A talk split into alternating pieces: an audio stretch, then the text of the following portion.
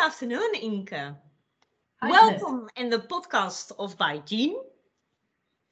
Thank you for that you uh, could have time and find time to participate to this online interview. Thank you very much. Thank you for having me. Yes, Nice to meet you. it's nice to meet you uh, in this way online. Can you? I, I read a lot about you uh, in this book, Nemo. Mhm. Nemo, emotional cleansing. Yes, thank you. Um, it's uh, very interesting. It's a it's a big trigger for for myself. So, can you tell us something about yourself and this? Okay. Uh, yeah. Mm, Well, I'm so I'm Dutch, and I've lived here in the south of France for about 20 years now. Uh, I am a neuropsycho practitioner, and I have been for the last 10 years, I think. So I started with doing trainings of NLP, Ericksonian hypnosis, and as of that, always uh, looked for different techniques to well to get better to be more efficient etc so in the end i well i got my very nice therapeutic toolbox with uh, techniques that intervene like that have an impact have a direct impact on the neuronal connection so on the brain. So i really i'm really fond of using these neuro techniques of which nemo is one so, well, just to say a little bit more about myself, I think that yes, Excuse me for the interruption. Sorry. Can you repeat it again? Can you Yes, can you do your explanation again? Sorry for the interruption. no problem. So, I'm I'm Dutch and I live here in the south of France, and I have lived here for about 20 years now. I have been a practitioner for about 10 years now. I started with doing trainings in NLP, uh, Ericksonian hypnosis, and then continue doing trainings like to to get more and more efficient. And I'm really, really fond of all techniques that intervene directly on the neural connections in the brain. So that's what we call the neuro techniques, of which Nemo is one, emotional cleansing is one. Um, except for working, I do love not working. So I like hiking, discovering life, traveling, and most of all, I love sailing. And I even combine work and sailing on an activity which is called sailing to yourself. So I take people and clients on my boat, and well, we do the therapy or the coaching on the boat. So it's not just me and the client, but it's also the wind and the sea and the boat. Well, like it's, it's really in a way of let the sea set you free. It sounds good. we adjust the sails to we adjust the sails to to the winds that are blowing at the moment in the lives of the clients, or we we decide to get rid of unuseful ballast and, and things like that. So well, it's really well, I think it's a really pleasant life. So except for being a practitioner here in the practice in Montpellier and on the boat, I also write books. Hey, you have already shown this one that has just Yeah. been published in in English. So I the, the French version has existed for a couple of years now. So I that brings me to my other activity, which is I'm a trainer of therapists, coaches, psychologists, psychiatrists, doctors, general practitioners. And well, with this book, I hope to reach like English speaking people like out of France because my public until now has been mainly France or Canada or Switzerland or a little bit Belgium, but be really cool to, to reach like the English speaking population, like in Holland, for example, but also anywhere else. It's a little my objective to be able to give a training in New York. With COVID, it's not going to be an easy one. Uh, so, well, I think that's what I can say about myself. Yes, because um, you told a little bit about your work experience. The next question is, could you tell more, a little bit more about your workflow? Well, I think you told already a little bit about your workflow and how it works. So um, maybe say something you you do what uh, maybe there's something new what you can it's interesting. So for me, it's important that I live the life I want to live. So working from nine to five, for example, doesn't suit me personally. I understand for a lot of people it's okay, but me personally, it's not what I wanted. So that's why I diversify the activities I do. That's why I have my practice. That's why I teach. That's why I have my sailing activity, and that's why I write. I do other things also, but I give, sometimes give conferences. So I really like the diversity of life. And I think I have this motto, which is we work to live. We don't live to work. Which is really important for me to always reframe where I am hey, it's getting too much. Where's my life? Oh, I have to do something. And hmm. I understand. And I feel the same. Um, that will brings me with the next question about the lingerie of Jean and the connection with the podcast. With the lingerie of Jean, we believe that we can create impact. Impact on every woman and actually make her feel like a real woman um a real woman like from her own inner strength what means uh, nemo exactly for your inner strength for my inner strengths or for the inner strengths of women in general i think it's the same for you. because yeah. Sorry. Yeah for me but i think it's for for the general. Nemo. yeah. Yes because nemo it's how to get rid of excessive emotional reactivities and phobias which means that our inner strength is us who we really and deeply are. All these exaggerate or excessive emotional reactivities and phobias. It's things that bother us. It's things that's not us really. And when we are overly stressed when we are afraid to speak in public when we get angry very easily uh, when we're afraid of spiders or snakes or whatever all these things when we are afraid to say no when we are too timid or whatever the problem is that we say oh i'm too much this or too little that it's things that we consider being us but the good news is it's not us the thing is that these things it's something it's like a disconnection in the brain and with Nemo, it's possible to get rid of those things so by doing the emotional cleansing Nemo, it's possible to take out, take off all these thingies, all these dysfunctionalities, just like the leaves of a ah, not an asparagus, of an artichoke. Yes. Artichoke. And when we take off all these things that's not really us, what's left is the heart eh, of of who we really are, the, the really the pure, the, the perfect person that we are. Even perfect is a, a sub, subjective thing. So with Nemo, we can become the person who we, we really, really want to be, the, re, the person we really are.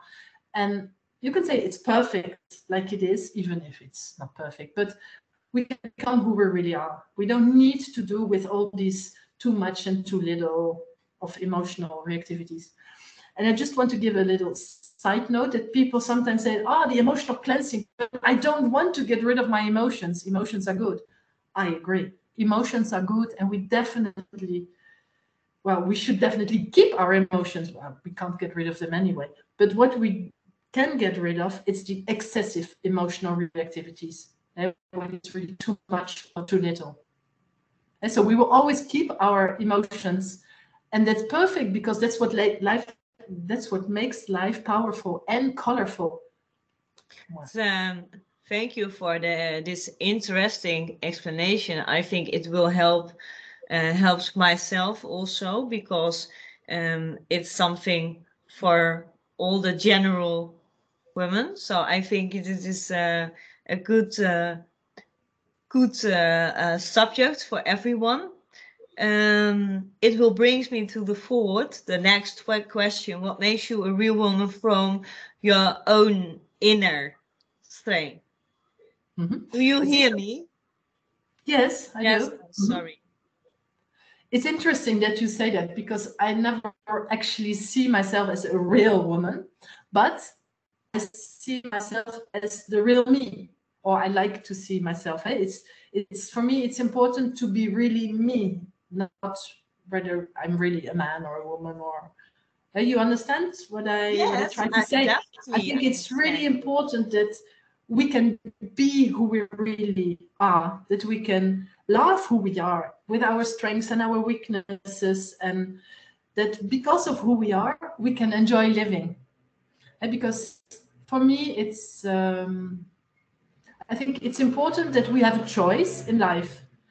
And when we say we have a choice, it means that it comes from ourselves, that we take the responsibility of our lives. And it's very easy to say, oh, my problem comes from my husband who does this and that, or my children always this and that, or the neighbor, or my boss, or I don't know whom, the world, the whole world can be against us. But in the end, we still have the responsibility for ourselves to accept or not accept a certain behavior or certain actions, because we are never really obliged to accept things that we don't want to accept. So if something doesn't suit us in our lives, it's up to us and only up to us to change something. And if we cannot change the situation, we can change our own way of dealing with it. And because sometimes the situation is as it, as it is. We can't change COVID. We can't get out of our lives. But we can decide the way we look at it. We can decide not to be afraid. We can decide to take a certain distance or change something in our lives. I mean, and we we are responsible of our own life and we are responsible to to realize that we always have a choice and that for me once we get there i think that we really have this inner strength that gives us this place on earth which is really very powerful whether we are a man or a woman but it's important that women actually take back this power that's it's, where uh, you are really good with your with your brand by Jean and the bralette, and it's it's good. It's a good job you're doing. Thank you, thank you. Uh, I like it and I love it, of course, uh, because it's a big dream. So I I'm always following my heart, and I'm following my feeling. So I think the answers that the feeling gives me, I think it's very important to handle then.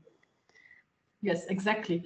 The more you are aligned with yourself, of the course, more you yeah. know what you want, like as in positive terms, the more openings you see, the more doors open, the more hands come exactly. to help us the more the sun shines and etc if we stay in this little bubble of everything and everybody is against me and i don't know what to do and i am sad or angry or stressed or not happy or whatever it's the more it gets impossible to get out of it it's like a, bzz, a eh, little turning thingy we never get out of but no. once we we become this us that we take the full responsibility of us then we can and we lift our hand and we can see these helping hands, we can see these doors opening, even if others are closing. Never mind, there will be eh, many, many others, and we can start enjoying the sun shining. And because of that, the more we are ourselves, the more we can start shining and shed our lights to other people. You are and people right. very often forget that they are they are the existence itself Without them, there is nothing. So if you don't take care of yourself, you shouldn't expect someone else to do it. It's probably not the way we would love it or we would like it. We have to do it ourselves. Eh? And yes, once this is done, we have to do ourselves. Can, yes. Yes. And once it's done, we can shine and give and do whatever we want. That's very important. And that brings me to the question about the impacts. What kinds of impacts do you want to achieve with your book? Hmm. Well, I think we already spoke a little bit about yes, it. With Nemo, the emotional cleansing, we can get rid of everything, our excessive emotional reactivities, our phobias that we don't want to have. So once we get rid of that, we can be us. So I think that's a really nice something. So with my book, I am hoping to reach a maximum of people so can they can do it themselves and also to reach a maximum of therapists, coaches, psychologists, doctors, etc. So they can train themselves in this technique and use it with their clients. So more and more and more and more and more people can live the life they want to live and be the person they want to be. Be this powerful, wonderful woman or man they are. They really are. Even if for the moment they maybe don't believe it or don't know it. And do you think that there are um, a few practitioner, uh, um, how can I say that? Um, um, psycho practitioner or practitioner, sorry if um, if I describe it not uh, very good, but are there a few in Holland they use your technique? So far, no. I've just published a book. It's really recent. So I have trained a lot of therapists and coaches in France, some from Belgium, Switzerland, Canada, well, in French speaking countries. But now with the English version, it's really new. So okay. it's my hope that some therapists will say, "Come, come on, we want to get trained in this tra- uh, in this technique." And uh, yes, I would be la- I would love to come and, and give this training, even in Dutch. Thank you very much. Thank you for your time and your explanation. And it was an honor to have you here so uh, online because it's new for me and new for you. But uh, it works. Thank you very much for having me, Jeanette. It's really nice. It was a very nice experience, and I'm looking forward to the result. Thank you. I really appreciate it. Thank you. Yeah, yeah. bye bye. Yeah,